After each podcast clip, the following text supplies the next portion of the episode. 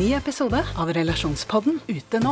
Datteren til en av lytterne våre har klippet av seg håret for å donere det bort, men nå blir hun mobbet for det. Hva kan mamma gjøre? Og hva gjør du når 14-åringen ikke vil ha den kjipe stebestefaren i konfirmasjonen sin? Ta hensyn til konfirmanten eller til mormor. Hør Relasjonspodden gratis der du hører podkast. Hei dere, velkommen til Biohacking Girls podcast. Vi leder showet, og jeg er Alette. Og jeg er Monica. Vi er gode venner og kolleger, og vi legger sammen våre erfaringer og kunnskap for å inspirere deg til å bli din egen biohacker og optimalisere livet ditt. Vi følger med på ny forskning og trender, og stiller de spørsmålene vi mener er nødvendige. Ja, vi deler informasjon om biohacking, life coaching og fitness, og vi håper at du vil føle deg inspirert og klar til å ta et tak for å komme i den beste helsemessige form. Velkommen til Biohacking Girls podcast. I dag dere, har vi med oss en veldig spennende gjest, og hun er superpopulær. Hun er lege, hun heter Anette Borge Dragland, og driver podkasten Leger om livet. Hun har tidligere jobbet som fastlege, og har de siste årene jobbet som lege i spesialisering i hudsykdommer. Hun er engasjert i det å formidle kunnskap om hvordan man kan få et godt liv til tross for de utfordringene vi alle møter i livet.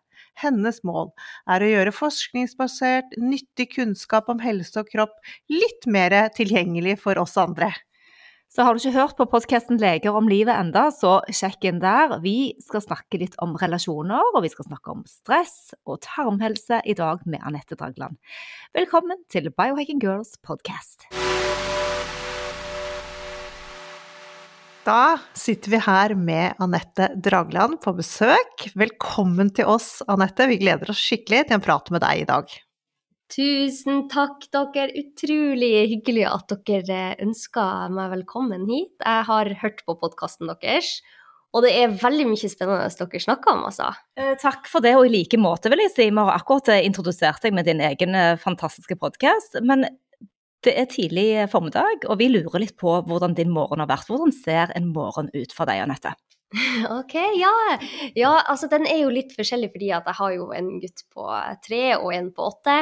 Så det kommer litt an på når de står opp. Men sånn som i dag, så eh, det er en av de morgenene som jeg liker best, når jeg kan stå opp for meg selv klokka seks. Få tid til å meditere litt, det er veldig viktig for meg. Eh, og så går jeg ned og tar meg en kopp te. Så eh, begynner jeg å skrive, for jeg skriver jo i bok akkurat nå.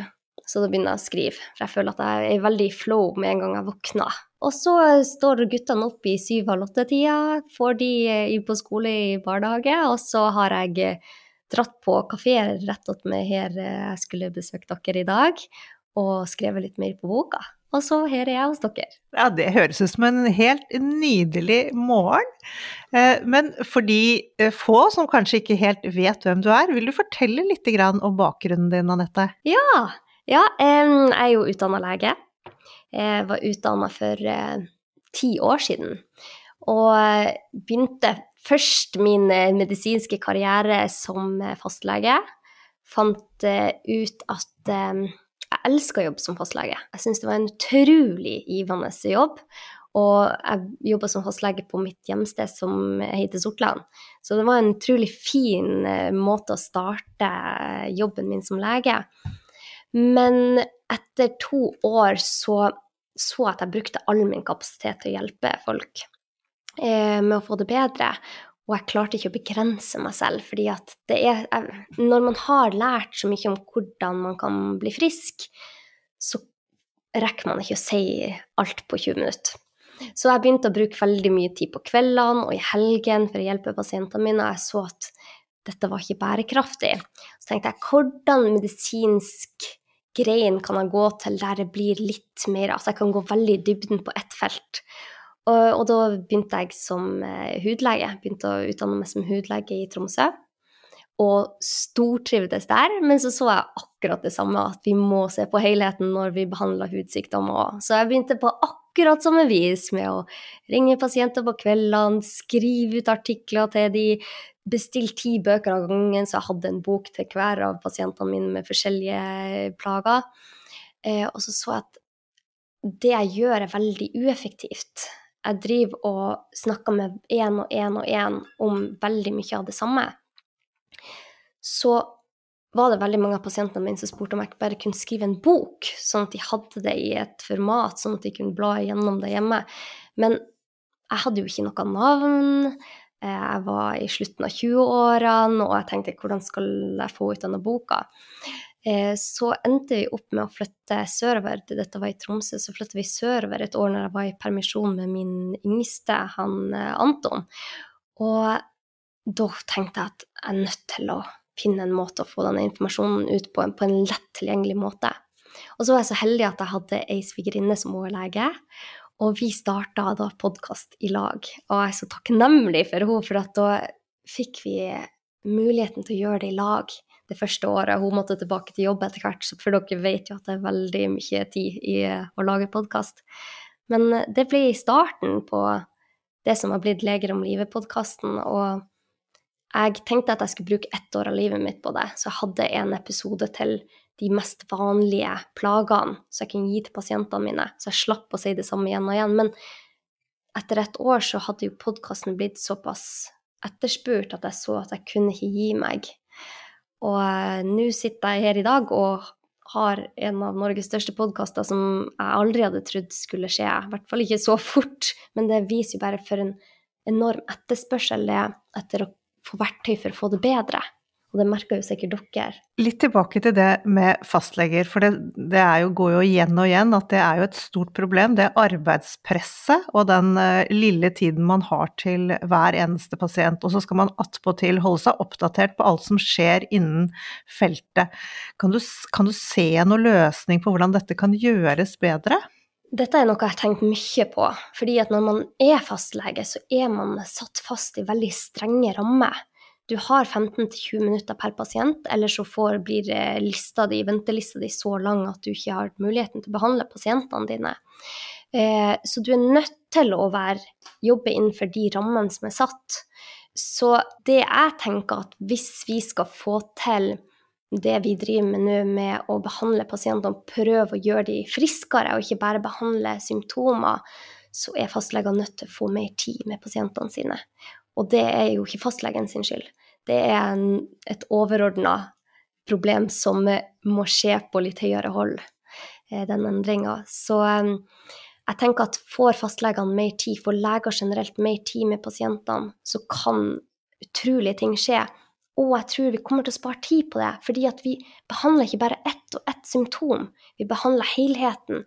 Og med det så gjør vi pasienten frisk, så de slipper å komme tilbake neste måned. Jeg tenker det er veldig viktige eh, refleksjoner der, og det med podkasten, at vi faktisk når ut til mange mennesker som får opplysning, og, og kan spre da nye tanker rundt dette med helse. Men vi lurer òg litt på den boken din, siden vi først var inne på det. Hva er det du skriver om egentlig? Eh, ja, jeg skriver om helhetlig helse, da. Det er jo det jeg brenner for. Eh, jeg har egentlig skrevet en bok om søvn, eh, og fant ut at jeg vil ikke komme ut med den boka, i hvert fall ikke enda, fordi jeg vil ikke være en lege som er opptatt av veldig mange temaer, og vi må se helheten. Fordi at vi kan ikke bare behandle en pasient innenfor ett felt. Hvis jeg skal behandle en pasient med søvnplager, så må jeg også se på relasjonene hans, hvordan han beveger seg, eh, hvordan han er i kontakt med naturen. Jeg må se på tarmfloraen, mikrobiomet hans. Eh, det er så mange faktorer jeg må se på når jeg behandler et symptom, som er da søvnplager. Så boka handler om hvordan kan vi se på helheten. Hvordan kan jeg få det bra? Eh, hvordan kan du, Monica, få det bra hvis du har et, et symptom? For et, et symptom er jo bare et symptom på en underliggende årsak, og ofte så føler jeg at vi behandler symptomet, men vi finner ikke den underliggende årsaken. Det er litt sånn som han Rumi sier at ofte så leter vi i greinen når det vi vet finnes i røttene. Og det er jeg veldig opptatt av. Så det, det, er en bok om hvordan vi mennesker fungerer, hvordan immunforsvaret vårt fungerer, mitokondria, inflammasjon, hvordan alle disse prosessene fungerer. For jeg tror at hvis vi gir kunnskap til andre om hvordan kroppen deres er, så vil de klare å finne de verktøyene som skal til for å bli frisk. Ja, dette er helt spot on og helt i biohacking-verdenen òg, så vi gleder oss veldig til den boken kommer. Vi får prate gjennom den når den er ferdig, Anette. Men eh, eh, la oss gå litt inn på forskjellige ting som vi har bestemt oss for å prate om i dag, nemlig stress og litt relasjoner, og dette koblet opp mot mikrobiomet vårt. Og siden du nevnte stress, da kunne vi kanskje snakke litt om hva tror du er dagens største utfordring helsemessig? Jeg tror at dagens største utfordring er at vi har skilt oss så langt ifra naturen, og det har ført til at vi ser oss ikke lenger som én flercella organisme i et stort økosystem. Vi ser oss selv som et eget individ som ikke har noe rolle eller effekt på det rundt oss, og at det rundt oss heller ikke har effekt på oss. Og når vi fjerner oss så langt fra naturen som vi har gjort nå, så blir vi syke. Vi får ikke det der utrolig viktige samspillet med naturen. Og når jeg sier naturen, så handler det ikke bare om trærne ute, selv om selvfølgelig det har effekt på oss, men det handler om alle mikroorganismer. Når du går ut på tur, Monica, så, så går du og så puster du inn mikrobiomet til trærne og til lufta og til naturen som igjen påvirker ditt mikrobiom. Når du går ut i naturen, så puster du inn noe som heter fytonsider, som er naturen sin og trærne og plantene sine forsvarsmekanisme for å passe på seg selv mot insekter og patogener og eh, Ja, det, det er deres, deres immunforsvar. Vi puster det inn, og det påvirker vårt immunforsvar. Det viser at bare en time ute i naturen gjør at vi får økning av natural killer cells, altså NK-celler. På så kort tid har disse trærne kommunisert med oss og gjort at vi får et bedre immunforsvar. Og det som har skjedd nå, er at det er mange som aldri går i naturen. Det er mange som ikke er i kontakt med noe annet enn sin egen stue og er inne hele dagen og får ikke utfordra mikrobiomet sitt sånn som de skal. Mikrobiomet har alt å si. Vi er en flerskjella organisme som har stort behov for å være i kontakt med andre organismer. Ja, det var veldig nydelig, og helt klart et kjempestort samfunnsproblem. Vi, vi, er enige med deg der. Men dette med sånn lavgradsinflammasjon som man får av stress, kan ikke du forklare litt hva som skjer i kroppen når vi går rundt med dette lille stresset hele tiden? Ja, for hva er stress, ikke sant? Stress, det er å være her og nå, men føle at du må være et sted i framtida. Det er jo definisjonen på stress, syns jeg. Og når du hele tida jakter etter å være et sted du ikke er, så tror kroppen din at den er i fare. Det er noe den må gjøre. Den må komme et sted for, for å bli trygg. Men det som skjer i dagens samfunn, er at vi hele tida må være i framtida for at vi skal utrette store ting i jobben, vi skal eh, leve perfekte liv med perfekte kropper, vi skal ha perfekte barn, vi skal sove åtte timer i tillegg, vi skal ha rene hus. Og så må vi ikke glemme at vi skal eh, få til eh, masse gode relasjoner og være populære. Og alt dette gjør at vi hele tida strever etter noe. Vi prøver å være et sted vi ikke er. Og sånn som jeg ser på det, så tror jeg at kroppen reagerer med betennelse. For det vet vi jo. Vi vet at ensomhet skaper inflammasjon. Eh, og det er for at kroppen tror at det er noe farlig. Immunforsvaret blir trigga og tenker her er det fare på ferde. Og vi vet at når, eh, hvis vi levde på savannen da, og det kom en fare, så ble immunforsvaret vårt trigga fordi at hvis vi da fikk et bitt eller ble angrepet, så skulle immunforsvaret være der med en gang etterpå hvis vi overlevde, og fikse opp i det. Men nå blir vi ikke bitt, eller vi blir ikke angrepet. Men immunforsvaret tror at det er en fare, så at det må være hele tida beredt når vi går da med kronisk lavgradig eh, stress som fører til kronisk lavgradig betennelse, så fører det igjen til sykdommer. Og det er ikke før man skjønner den syklusen der, at man skjønner hvorfor det er så mange i Norge og den vestlige verden særlig som er så syke. Vi har aldri vært sykere enn vi er i dag. Og det er fordi at vi lever et liv som vi, vår genetikk, ikke er laga for. Og hva er de vanligste sykdommene som man ser uh, utløses av dette? Ja, altså, han eh, René Descartes var en eh, filosof eh, som eh, mente at vi mennesker, vi var delt opp i to. Vi hadde sinnet vårt, som var en del av oss, og så var det kroppen, som var en annen del. Og da fikk vi et veldig dualistisk syn på hvordan mennesket henger sammen. Heldigvis har vi begynt å gå lengre og lengre bort fra det, men det har fått så dype røtter, den der truen på at vi er to individuelle enheter. Og jeg tenker at det at vi har over så mange tiår behandla kropp for seg selv og sinn for seg selv, har gjort at vi ikke har klart å finne en løsning for hvordan vi kan bli friske. Og det vi ser nå, er at f.eks. mentale lidelser har jo økt voldsomt. De sier nå, de beregner nå at nesten én milliard mennesker har enten en mental lidelse eller en rusmiddelbrukslidelse. Det er godt over 10% av verdens befolkning. Og i USA så er det enda verre. Opp mot jeg tror det var én av fem amerikanere har en mental eller rusmiddelbrukslidelse. Så hva er det som skjedde når så mange sliter med mentale lidelser? Det, det, jeg, jeg rekker ikke å si det på en time, men vi må se på dette som signaler på at vi må endre på hvordan vi lever. Hvis vi ikke endrer på hvordan vi lever nå, så blir det bare verre. Og vi har ikke råd til at det skal bli verre, for det er så ille som det jeg føler at det kan bli. Våre barn blir sykere i, syk, i, i yngre aldre. Barn skal ikke være syke. Ungdom skal ikke være syke. Men mange av disse har mentale plager. De har tarmlidelser, de får autoimmune sykdommer. Ja, nå ble det litt mørkt her, men det, jeg føler at det er viktig at man får frem dette, sånn at vi kan faktisk få til endring. Men hva med dette med fedme? Du snakker litt om barn, og det er jo et økende problem hos barn, men òg i verdens befolkning. Både ja, fettlever, subkant fett, magefett. Alt dette er jo inflammasjon, men òg kanskje forårsaket av stress, selvfølgelig òg over ultraprosessert mat. Men, mm. men, hva tenker du rundt fedmeproblematikken som en konsekvens av det samfunnet vi lever i? Ja, jeg tenker at vi har hatt litt feil eh, måte å tenke på fedme, akkurat som det er kalorier inn og kalorier ut. Eh, når man ser på overvektige eh, og deres tarmflora, så ser man bl.a. at de har mye høyere bestand av en bakterie som heter firmicutes-bakterien. Og denne bakteriestammen Vi mennesker har jo rundt 1000 forskjellige stammer ut fra det vi har funnet til nå.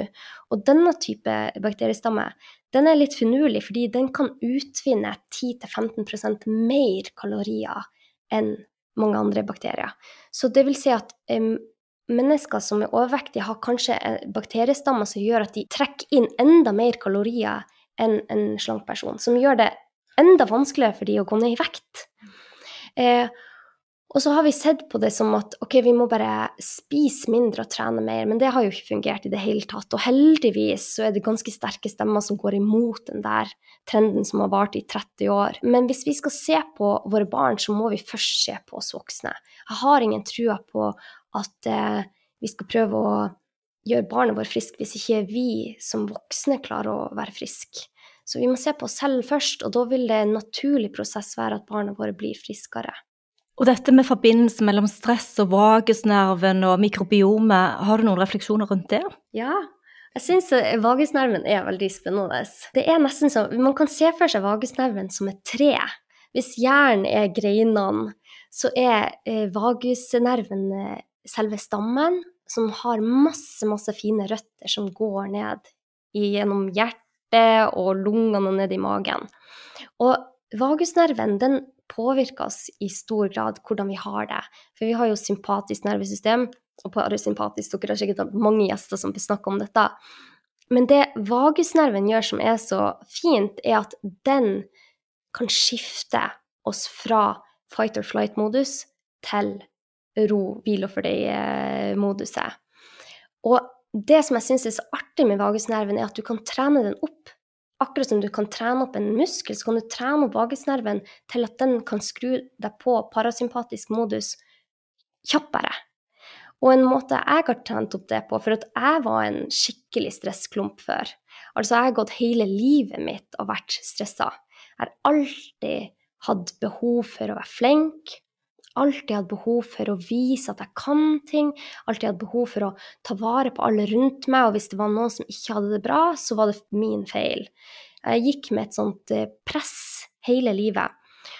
Og når jeg eh, begynte femteåret på medisinstudiet, så gikk jeg på en skikkelig smell.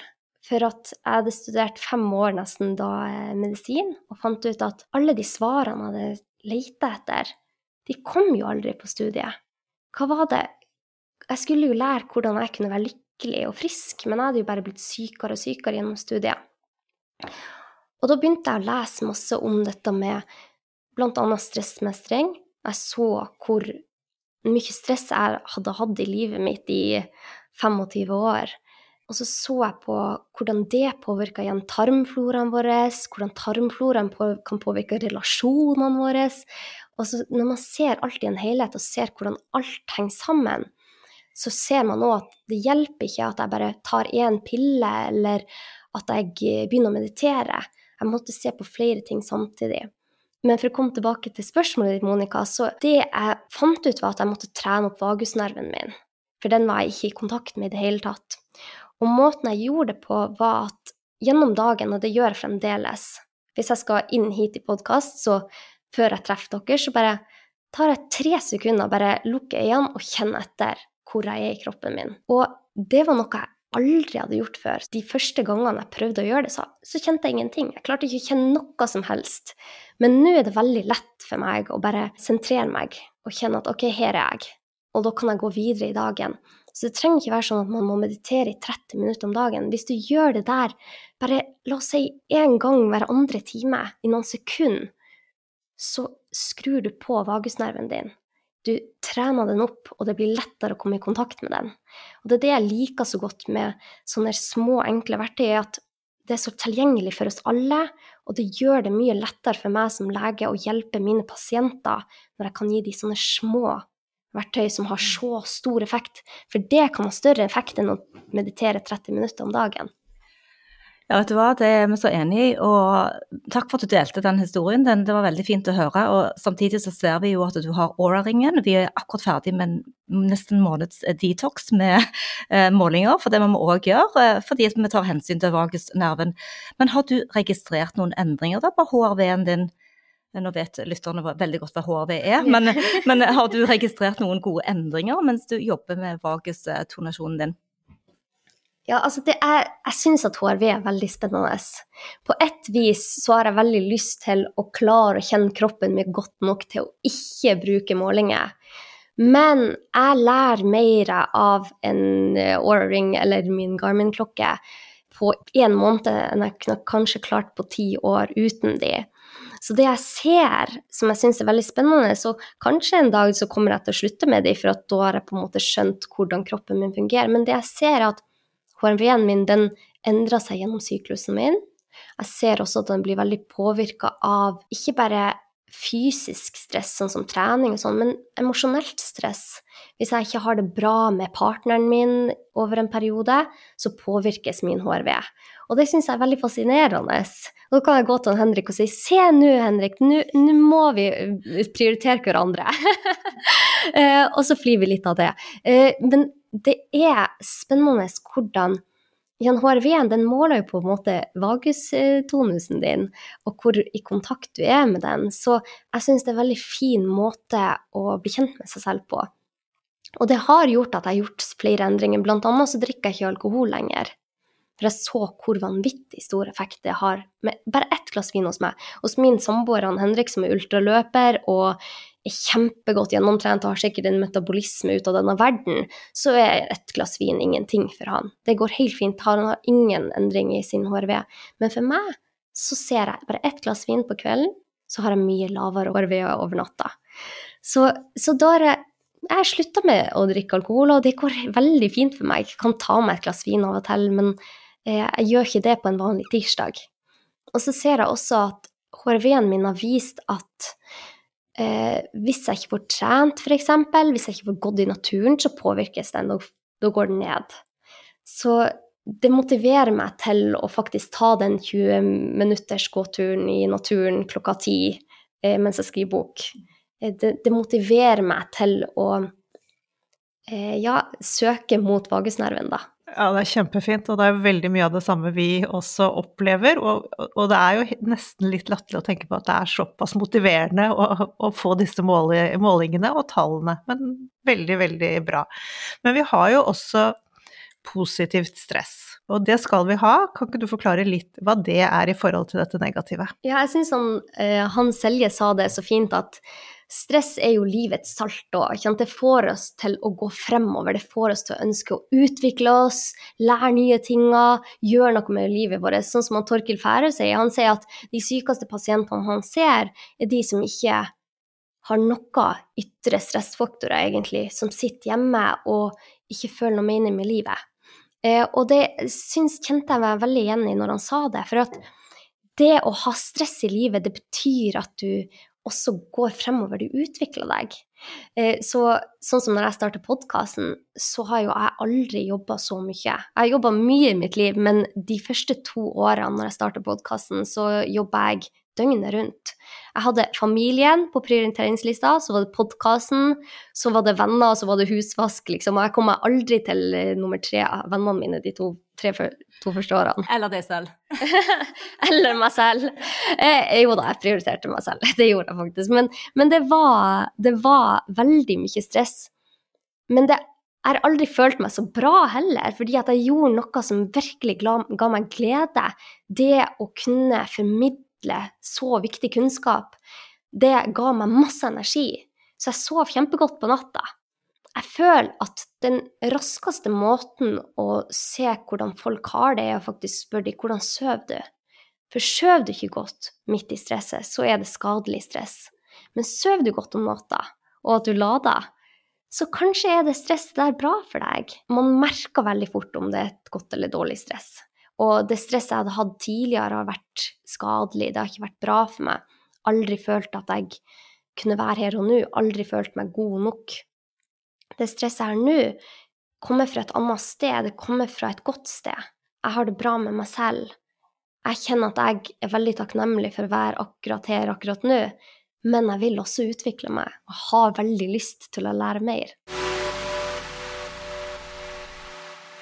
Vi bryter inn for å informere om høstens viktigste begivenhet. Her er noe du ikke vil gå glipp av. Biohacking Weekend det er Skandinavias eneste biohacking summit og skjer den 23. og 24. september på Sørmarka konferansehotell. Vi trenger å bygge opp egen motstandskraft. Vi må ta kontroll over egen helse, både den mentale og den fysiske og den spirituelle. Dette er biohacking, å ta full kontroll over miljøet vi lever i, både på utsiden og på innsiden. På Biohacking Weekend har du muligheten til å lære av de beste på sitt felt, for vi har samlet foredragsholdere fra både inn- og utland. Her får vi mange års banebrytende hemmeligheter og biohacks på én spennende helg. Ja, du vil lære om faste og vekt. HRV og stress. Kuldebad, pust og hormesis. Mitokondriene og Alzheimer. Hjertehelse, sollys og natur. Skjønnhet, hud og glow. Blue zones og antiinflamatorisk livsstil. Hjernetåke. Tracking av lipoproteiner og kolesterol. Det siste innen anti-aging-forskning.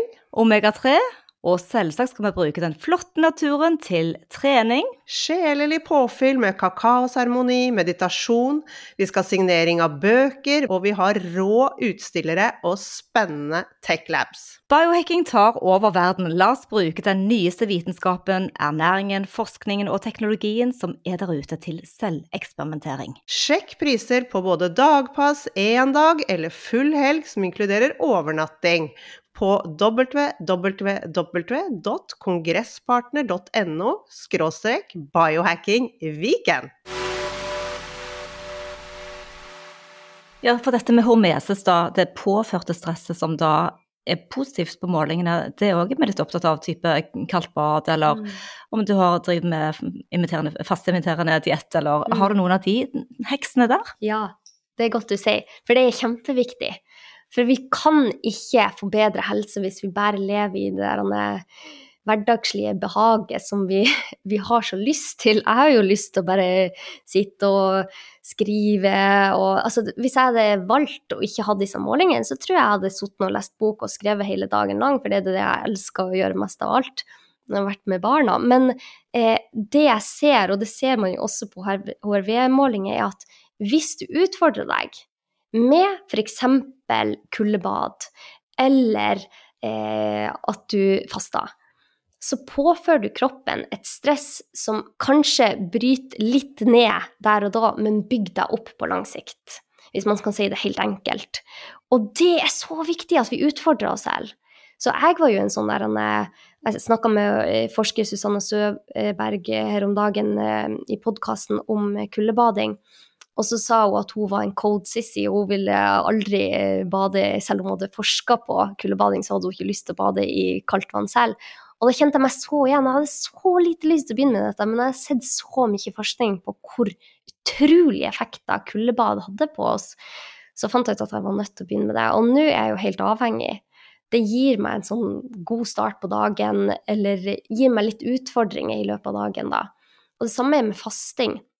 Det er jo et stress for kroppen å faste over eh, lengre tid. Men det har dere snakka masse om, og det kan dere så mye om, hvor utrolig gode effekter det har på kroppen vår. Og det gjør at vi rensker opp kroppen, og utofagien er veldig fascinerende. Men så er det det altså vi må ha balanse, ikke for mye av noen ting. fordi at dette stresset påvirker òg mikrobiomet.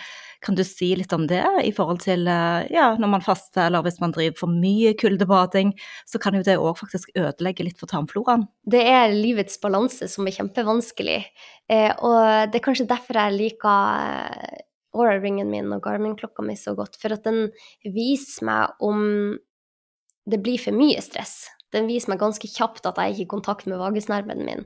Eh, men så er det jo en del forskning som viser at hvis du påfører kroppen din for mye stress, og det, stress er jo veldig ulikt noe som er stressende for meg, trenger jo ikke være stressende for deg. Kanskje du tåler 20 minutter kuldebading om dagen, og jeg tåler bare ett minutt. Vi er så individuelle, og det er det dere snakker veldig mye om, som jeg syns er veldig bra. Fordi at vi eh, blir påvirka av ytre faktorer på veldig forskjellig vis. Og hvis man går med for mye stress, la oss si at du er i en periode der du har deadline på jobben, du har kjempemye du skal få gjort, du har masse greier hjemme i huset som du skal få ordna opp i, og barn som skal hit og dit, det er rett før sommerferien, og det er masse som skal ordnes, du merker at du allerede er veldig stressa. Vil det da hjelpe deg påføre enda mer stress med kuldebading? Det vet vi ikke. Vi vet faktisk ikke, og jeg spurte Susanne Søberg, som er en av de fremste ekspertene, og sa kanskje i enkelte perioder av livet ditt så skal du ikke påføre kroppen din mer stress når du allerede er så stressa. Prøv først å komme litt tilbake på føttene på jorda før du påfører ytre faktorer. Og så viste det seg det at stress har en effekt på tarmfloraen vår. Og negativt stress over lang tid kan gjøre at du får mindre biodiversitet i tarmen, altså mindre hvordan skal vi si det, mindre mangfold i tarmen. Så eh, det handler om å ha en balanse, og den balansen er så individuell for hver og en av oss. Så det er derfor at jeg er veldig forsiktig med å gi noen konkrete råd. Prøv ti minutter kuldebading to dager i uka, eller Disse tallene er så ulike for hver og en. Og så er de også veldig ulike fra menn til kvinner. Og om du har en menstruasjonssyklus, eller om du står på p-piller, om du er kommet i overgangsalderen Alt dette påvirker hvordan du kan håndtere stresset. Eh, så det å lære å kjenne kroppen sin vil gjøre at du lettere vil finne ut hva som er bra for deg, og hva som blir for mye. Og Det er jo bl.a.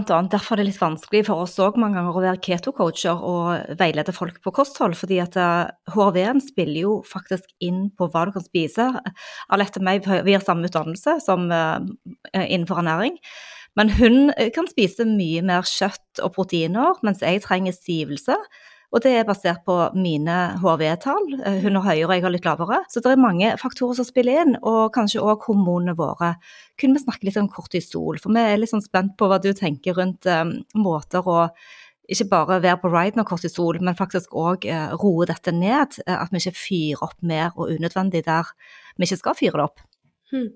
Ja, jeg syns det var interessant det du sa, at uh, deres kosthold er litt annerledes. At noen trenger mer stivelse, noen kan leve utelukkende, nesten bære på proteiner. Og det er så bra at dere tar opp i podkasten og snakker om, fordi at jeg tror at sånn som vi har gjort og råda folk i lang tid før vi fikk disse målingene som kunne gjøre at vi kunne se på dette på et individuelt stadie, gjorde at mange kanskje faktisk ble verre enn bedre. selv om det var godt ment. Eh, så det at du sier at du trenger mer stivelse, Monica, hvor fint er ikke det at du vet det? Og da tilføyer du din kropp det, fordi at vårt mikrobiom er så forskjellig. Det kan være så lite som 10% likt, og det er ganske eh, utrolig når man tenker på at vi har 99,9% likt DNA, men så er tarmfloraen vår bare 10% lik. Og selv hvis vi hadde bodd, vi tre hadde bodd i lag i eh, et år, så hadde ikke nødvendigvis vår tarmflora blitt likere. De har sett at munnfloraen blir likere med de man bor med, men tarmfloraen har ikke så stor effekt. Eh, og så over til spørsmålet ditt om kortisol. Hva var det du spurte om? Jeg tenker litt på dette med kortisol, f.eks. På morgenen eh, så har vi en naturlig eh, respons eh, i kroppen som skjer, og vi vil jo ikke ha den med oss utover i dagen. Vi har, vi har lyst til å bruke kortisol når vi trenger det, når vi trenger å flykte eller redde en situasjon, eller stå på talerstolen eller hente noen barn på, ja, når du trenger det. Mm. Men hvordan kan man balansere? Har du noen gode tanker eller tips på hvordan man kan roe ned det stresshormonet? Ja, og det er så bra at du sier, ikke sant? for at før så tenkte ikke jeg over at kortisolet mitt det er veldig forskjellig på morgenen fra, eh, og kvelden. Det er, stiger jo i, i morgentimene, og der er det på sitt høyeste. Og så synker det gradvis mot kvelden for å gi plass til andre hormoner som skal gjøre deg trøtt, sånn som melatonin. Og kortisolbalansen er utrolig viktig å tenke på hvis man skal ha et, eh, et, liv der man føler at eh, ting går som det skal. For at kortisolet kan gjøre veldig mye godt for oss, men går du med forhøya kortisol gjennom dagen, som man ser at veldig mange mennesker gjør nå, så vil du aldri føle at du egentlig får helt ro i egen kropp.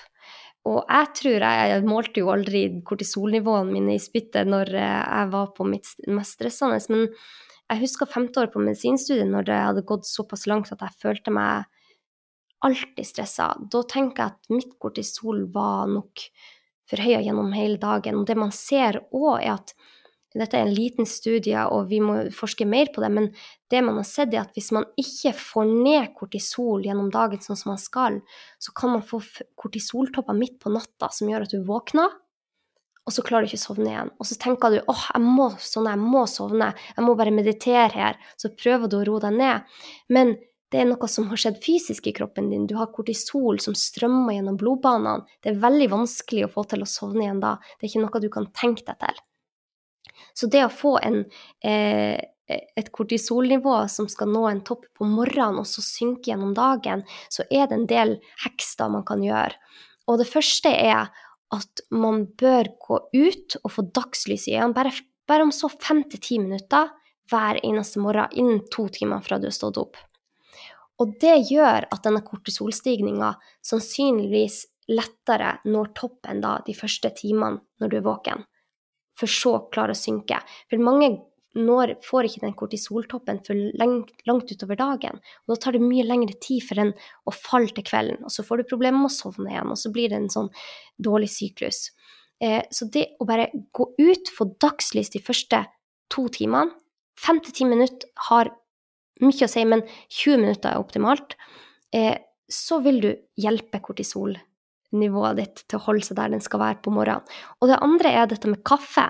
For vi er jo veldig glad i kaffe, men jeg bruker det med måte. Før så drakk jeg kaffe gjennom hele dagen. Eh, men kaffe påvirker kortisol, har flere studier nå vist. Så det å ikke drikke kaffe før du har nådd den toppen, tror jeg er viktig. Så gjerne vente med å drikke kaffe til det har gått en time eller to etter du har stått opp. Sånn at du har gitt naturen mulighet til å få kortisoltoppen først, før du eventuelt eh, får inn noe ekstra kortisol med kaffe. Den står vi bak. Selv hvor vanskelig det er, så det, det er et veldig godt, godt råd. Men du som lege, og ser dette samfunnet vi lever i nå med stress. Hvis du kunne tatt bort én ting for å gjøre ting litt bedre, hva ville du tatt bort da som, for at vi skulle fått litt mindre stress i hverdagen vår? Oi, ja, den var vanskelig. Tatt bort én ting. Eh, da tror jeg jeg ville tatt bort Det er jo ikke en ting, da, men jeg ville tatt bort den følelsen veldig mange føler om at de skal ha det bra hele tida, undertrykke følelsene sine. Fordi at når vi undertrykker følelsene våre, som vi veldig mange av oss gjør, og som jeg gjorde i 25 år, så forsvinner ikke de følelsene. De blir en del av deg, og de begynner å definere deg. Og når man undertrykker følelser, så ligger de der inni deg og gjør at du hvor enn mye du prøver å meditere eller faste eller drive med kuldebad eller dra på joggeturer, hvor enn mye du prøver å gjøre dette, så har du noe inni deg som må ut. Og jeg syns hun Edith eh, Eger, psykologen som utrolig fin dame, hun er vel 96 år nå, hun, hun overlevde Auschwitz, faktisk. Hun sier at Whatever can come out of you will never give you illnesses. Altså, det å ekspresse følelsene dine, det å få ut følelsene dine, det å erkjenne at de er der, det å gå gjennom de vonde tingene som har skjedd med deg, sånn at du kan bli ferdig med det, er utrolig viktig for å starte med blanke ark. Og de vil jo alltid være der, særlig traumer. Ikke? Man ser at traumer i barndommen gjør noe med genetikken din, det endrer din epigenetikk. Men hvis du klarer å gå gjennom de følelsene og leve med de, istedenfor å undertrykke de, så viser studier at du kan få et like godt liv som de som ikke har store traumer i barndommen. Ja, for å sitere Therese Tonning, som da er traumeekspert, hun er i gate med Gabor Maté. Eh, hun hun snakker om eh, emosjonell intelligens og eh, emosjonelle sår på sjelen vår. Så det er vi helt uh, enig i, at uh, selv om jeg og Alette vi jobber litt med våre traumer for tiden, og det er noe å finne. Det trenger ikke være de mest traumatiske opplevelsene. Det kan være enklere ting som gjør at det sitter fast i deg. Så vi må videre. Men du uh, Anette, vi vil litt videre til tarmhelsen igjen og snakke om fiber. Trenger vi fiber, og hvilke type fiber trenger vi? Det jeg syns er veldig fascinerende med fiber, er at det finnes så utrolig mange forskjellige typer fiber et fiber er ikke et fiber. Altså, alle de sånn forskjellige plantene du spiser, inneholder forskjellige typer fiber. Eh, så det å spise et rikt og variert kosthold med veldig mange forskjellige typer planter, vil gi deg mange ulike fiber. Og det viser det at våre tarmbakterier, de elsker fiber. For fiber er jo ikke fordøyelig for oss, men tarmbakteriene trenger det for å ha det bra og for å dele seg, og for å gi et rik diversitet i tarmen vår. Eh, så det er ikke ett fiber som vil gjøre at du får en bra tarmflora, men hvis du klarer, og dette prøver jeg på Nå er det lenge siden jeg telte, men eh, det var en periode over et år der jeg telte hvor mange fiberkilder jeg fikk i meg i løpet av uka. Hvis du klarer å få rundt 30 forskjellige ulike planter i uka i deg, så vil du sannsynligvis få et, en bedre tarmflora. Og 30 høres veldig mye ut, men hvis du ser på det, så er det ikke så mye. For f.eks. i et brød. Så kan det plutselig være ikke sant? Du har spelt, du har uh, gresskarkjerner, du har uh, Noen tar gurkemeie i brødene sine, uh, det er masse ulike frø. og der kan du få syv-åtte fiberkilder bare i et, et brødstykke. Og så har du alt av bær, frukt, grønt, og så har du krydder. Og hvis du spiser seks-sju forskjellige typer krydder Jeg har levende eh, krydder på kjøkkenbenken som jeg bare tar noen biter av i løpet av dagen, for da får jeg også i meg mikrobiomet til disse plantene. Eh, og da har du plutselig fått i deg 30 forskjellige ulike plantefibre. Og det vil være så bra, for det. studier viser at det faktisk øker mangfoldet i tarmen. Så et så lite triks kan ha så mye å si. Så, ja, og så leste jeg faktisk i en bok til min eldste sønn Olav her om dagen, der det sto Dette var en 30 år gammel dyrebok, men det sto at dyr er levende Hva det var det sto? Dyr er levende organismer som for å overleve må spise andre levende organismer. Og det vil ikke si at man skal spise andre dyr, man kan leve et godt liv uten å spise dyr, det er ikke det jeg sier. Men planter er også celler, og de er levende. Så det å spise mat som gir deg eh, levende mat, eh, det er kjempebra for deg. Og det er det som har skjedd med ultraprosessert mat. De er ikke lenger levende. De har ikke cellestruktur. Og det er mat som vi ikke har peiling på hvordan vi skal fordøye. Så det å nå blir det en del råd her, og det, jeg liker egentlig ikke å gi råd, for at vi, er, vi lever i så forskjellige liv, og det er vanskelig å, å le opp til alle råd som alle har til enhver tid. Men det å unngå mat som ikke er levende, det tror jeg vil ha stor effekt på helsa vår, altså. Men stemmer dette nå med ultraprosessert mat og hvor mye vi spiser av det, at vi har mye mindre bakterier i tarmfloraen vår i dag enn vi hadde tidligere? Ja, det stemmer. Eh, og det er jo litt skremmende. Og så viser det seg at vi vet jo ikke akkurat hvor mange prosent eh, av maten vi spiser som er ultraprosessert, men det vi handler, i hvert fall 60% av all mat vi handler, er ultraprosessert.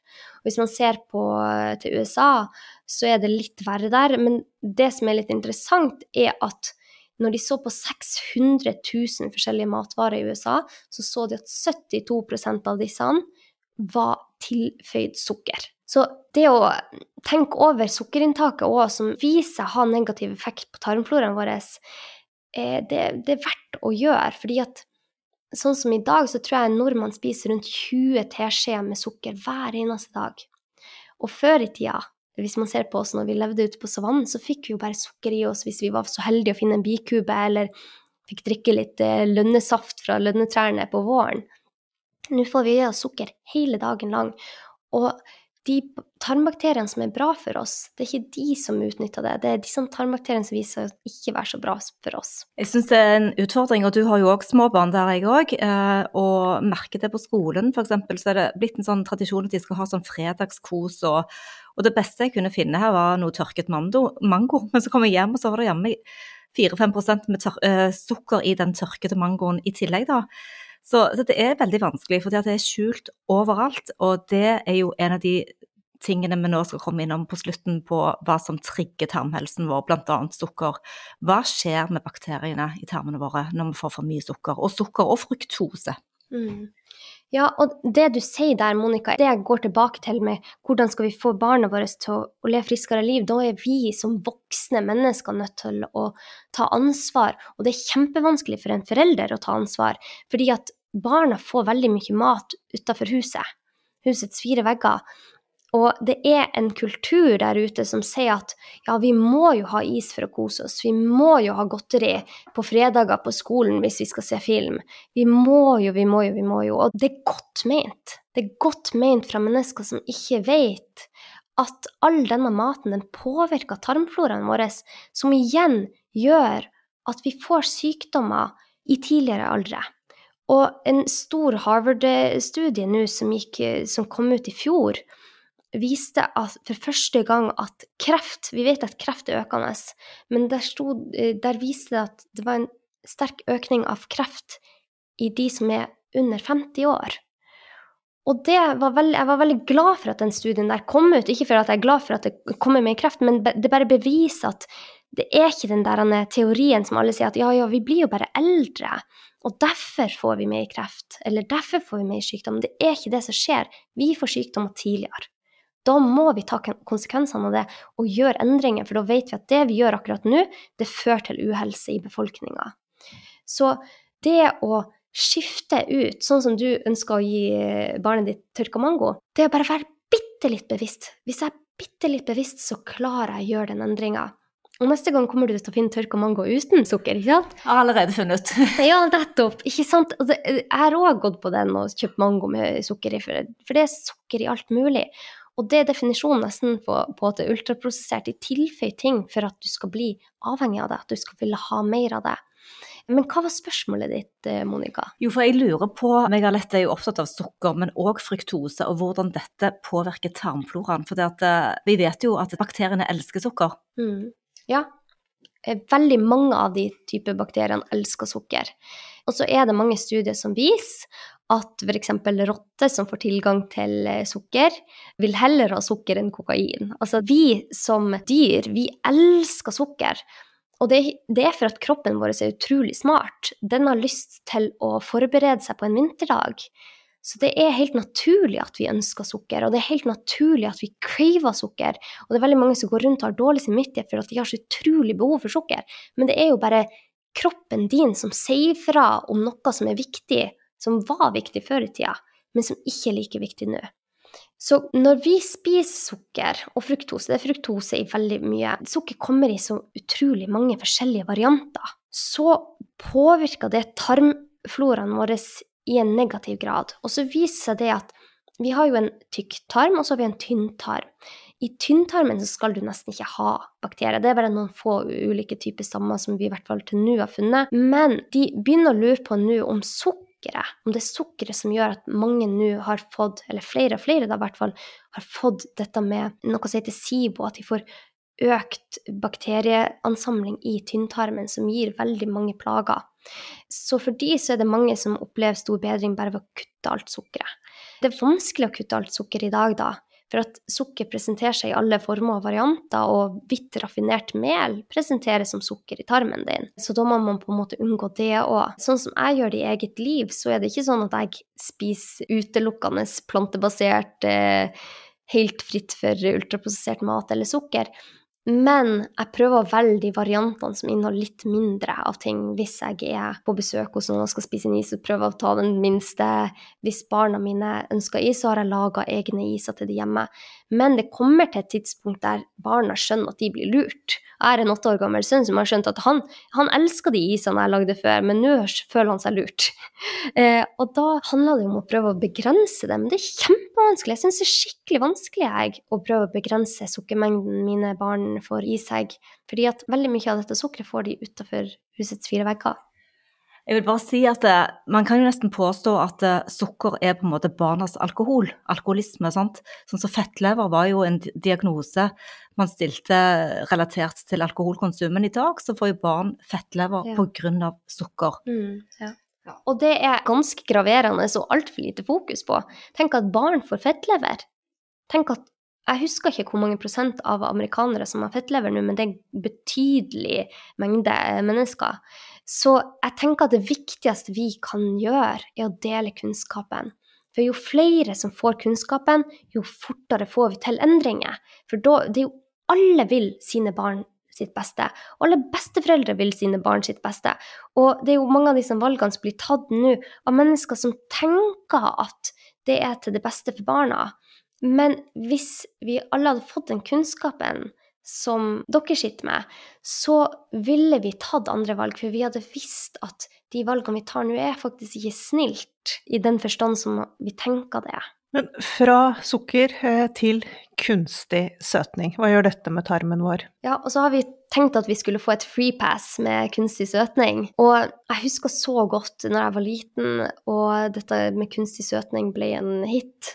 Og min far han er kiropraktor, han sa at du skal ikke spise kunstig søtning. Det er Akkurat da visste vi ikke hva det gjorde med oss, det vet vi i større grad i dag. men det å tilføye kroppen noe som inneholder null kalorier og altså, egentlig skal ha null effekt på kroppen vår, men som vi kjenner til de grader når vi inntar det, det er klart at det gjør noe med oss. Og nå har jo heldigvis WHO gått ut og sagt, det er jo veldig nylig, og sagt at de advarer mot bruk av kunstig søtning. Man har jo tidligere anbefalt diabetikere å bruke kunstig søtning istedenfor sukker, fordi de har tenkt at det har vært bedre for de, men de, det ser, viser jo seg det at bruker man kunstig søtning, så har man like stor sannsynlighet for å få diabetes type 2. Og det viser, og vi, vi kan for lite om det, det er for lite forskning, men det viser at kunstig søtning, ulike typer da, som er blitt forska på, påvirker tarmfloraen i negativ forstand. Nå er det sånn at vi har for lite forskning til at jeg kan si at kunstig søtning påvirker tarmfloraen din negativt, men det er noen små studier som viser det, og jeg velger å gå etter de inntil det motsatte er bevist. Og så velger jeg å se at vanlig sukker, det har vi forska på såpass lenge at vi vet de negative effektene. Mens kunstig søtning det er ikke forska nok på. Vi vet ennå ikke ramifications. eh, Vi vet ennå ikke ringvirkningen av det. Det er fremdeles veldig masse mørke hull her som må nøsses opp i før jeg kan i hvert fall eh, anbefale det. Og jeg kommer sannsynligvis aldri til å anbefale kunstig søtning. Vi kunne gått inn i mange forskjellige alternative keto-varianter der òg, men eh, vi, vi går videre. Og hva med medisiner og type antibiotika? Selvfølgelig så kan antibiotika være enormt viktig i situasjoner, men hva gjør det med tarmhelsen vår? Eh, ja, bare for å um, presisere. Det finnes jo enkelte kunstig søtning som er fra naturen. Og det er viktig, eh, for at nå tenker jeg på Splenda og alle disse som er kjemisk laga i et laboratorium. Men det finnes søtning som kommer fra naturen. Det kan hende at det har mye bedre effekt på oss enn vanlig sukker. Det er greit å være bevisst på det, i hvert fall. At vi kan ikke spise kake hele dagen fordi at det inneholder ikke vanlig hvitt sukker. Alt har en balanse her. Men når det er sagt, så har jeg smakt veldig mye sånne raw cakes, f.eks., som inneholder bare bitte litt av den naturlige søtninga som kommer fra naturen. Det er ikke sikkert at det har noen negativ effekt, og jeg tror det kan være bedre for deg enn å spise en is, ultraprosessert is fra kiosken. Eh, så det er greit å bare vite at vi har ikke alle svarene i dag. Og vi kommer nok aldri til å få det heller. Vi må bare ta så bevisste valg som vi kan akkurat her og nå, og så må vi bestemme oss for hva vi ønsker å ha mest fokus på. Og hvis vi skal ha fokus på absolutt alt, at vi skal være veldig forsiktige med maten vi spiser. Vi skal være veldig eh, gode på å trene, vi skal ha de beste relasjonene, vi skal sove godt hver natt. Så blir det stress. Så det å tenke over at det er ikke alt vi skal gjøre perfekt. Jeg liker å følge Paretos lov. 20% innsats gir 80% resultat. Eh, og jeg spiser en is når det er fint vær. Jeg kan gå en uke uten at jeg har fått trent. Jeg kan gå tre dager uten å sove godt fordi jeg har en presentasjon som jeg er nødt til å forberede meg på. Jeg tåler alle de der tingene. Det er viktig å vite at vår kropp er robust. Den er laga for en vinterdag. Vi har gått gjennom ganske mange harde dager gjennom evolusjonen. Så det er jeg også veldig opptatt av å formidle, at vi har sterke kropper som er tilpasningsdyktige. Men hvis vi prøver å leve perfekt til enhver tid, så blir det stress. Og det tror jeg nesten er verre enn den ultraprosesserte isen.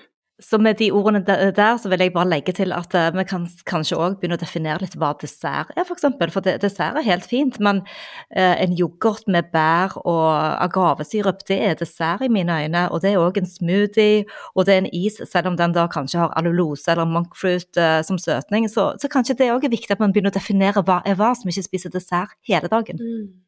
Ja, og når du sier monkfruit, så har jo det vist seg å kanskje være bra for søvnene vår òg. Og det er litt eh, interessant. Du, La oss hoppe til medisiner, antibiotika, eh, som vi trenger i mange tilfeller. Hva gjør den med vår tarmflora, og kan vi komme oss unna når man virkelig må ha antibiotika?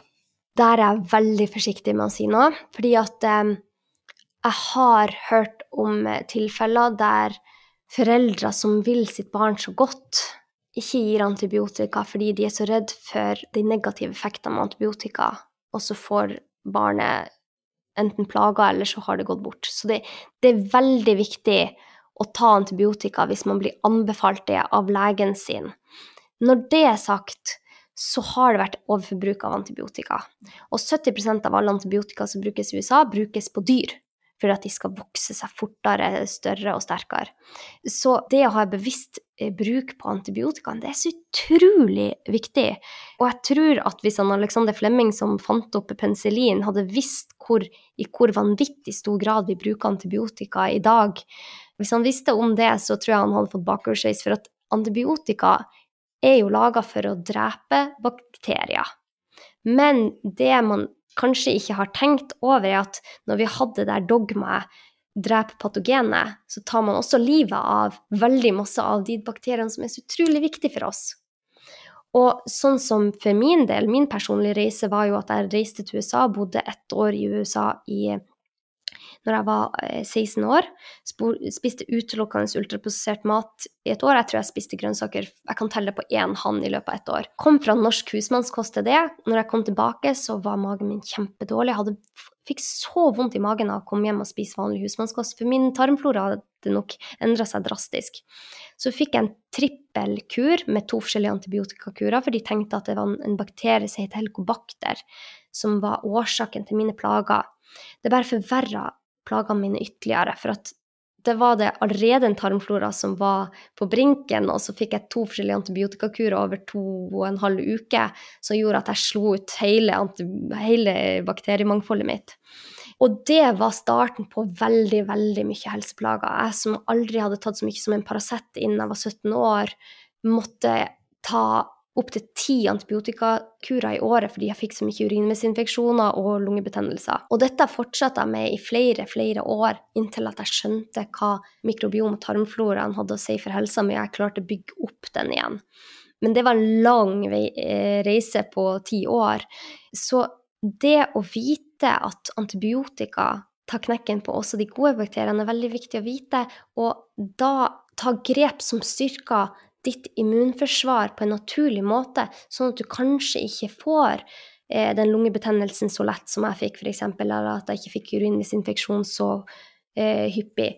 Begynte å bruke tranebærjus. ikke sant? Sånne naturlige måter å få en bedre flora på hadde jo kjempemye å si for min helse, og det ser jeg òg blant eh, mine pasienter, at man kan bygge opp mer robust, et mer robust immunforsvar, så man kanskje har mindre behov for antibiotika. Veldig, veldig bra. Men um, la oss komme til litt, sånn, litt sånne hacks. Hva kan vi gjøre i hverdagen vår for å få støtte opp rundt tarmhelsen vår? Har du noen, har du noen tips? Sånn typ få deg en hund, være ute, du vet. Ta probiotika. ja, altså det er, det er mange sånne småting man kan gjøre. Eh, nå har jo jeg snakka om dette med å redusere stresset. Det er kjempeviktig for tarmfloraen vår. Hvem hadde trodd det for ti år siden? Men det, jeg syns det er så fascinerende igjen og igjen å se koblingen, hvordan alt er kobla i naturen, og hvordan alt i kroppen vår er kobla. Det å ha gode relasjoner styrke tarmfloraen din. Det å eh, ta deg en 15-20 minutters tur ute i naturen har vist seg å styrke tarmfloraen. Eh, Probiotika er jeg litt forsiktig med begrunnet av at vi har et så utrolig komplekst økosystem i tarmen vår, og det å tre til ti forskjellige typer kan være veldig bra, og det er en del forskning som viser at det kan være bra, og så er det noen studier som viser at det kan ha uheldig effekt. Så det må man være litt forsiktig med hvis man skal ta tilskudd for å tilføye flere bakterier. Og jeg tror at på sikt så kommer vi, når vi gir probiotika, først å ta en avføringsprøve og se hva er det som mangler hos deg, og så tilføye. Det gjør vi ikke nå, vi er ikke der helt ennå, men jeg tipper vi kommer til å komme dit etter hvert. Og så ser jeg at dere har litt eh, her, ikke sant, oligos, eh, human milk oligosakarida. Det er veldig mye her som kan være veldig bra, og for de som sliter mye med tarmen sin og føler at de har prøvd alt, så er det ikke nødvendigvis sånn at det å ta litt probiotika Det kan være bra for deg. Jeg har tatt det selv i perioder. Jeg er bare litt forsiktig med å anbefale, for at det er liksom sånn en, en, av disse kan være bra for meg, men de trenger ikke nødvendigvis å være bra for naboen.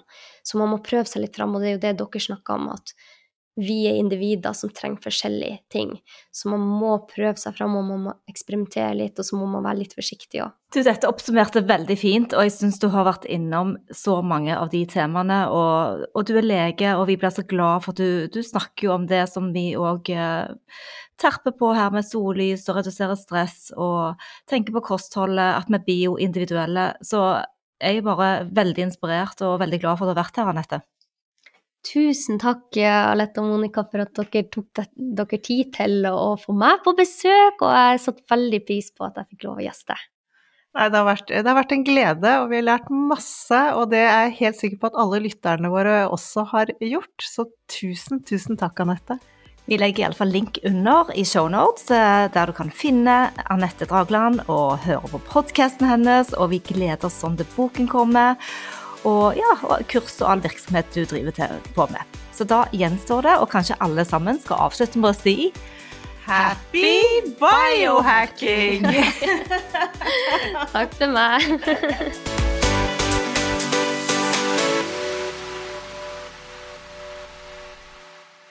Vi minner om at dere må snakke med egen lege eller kostholdsveileder om dietter og andre spørsmål relatert til medisiner og supplementer. Informasjon vi deler kan ikke bli brukt til å diagnostisere, behandle, forebygge eller kurere noen sykdommer eller tilstander.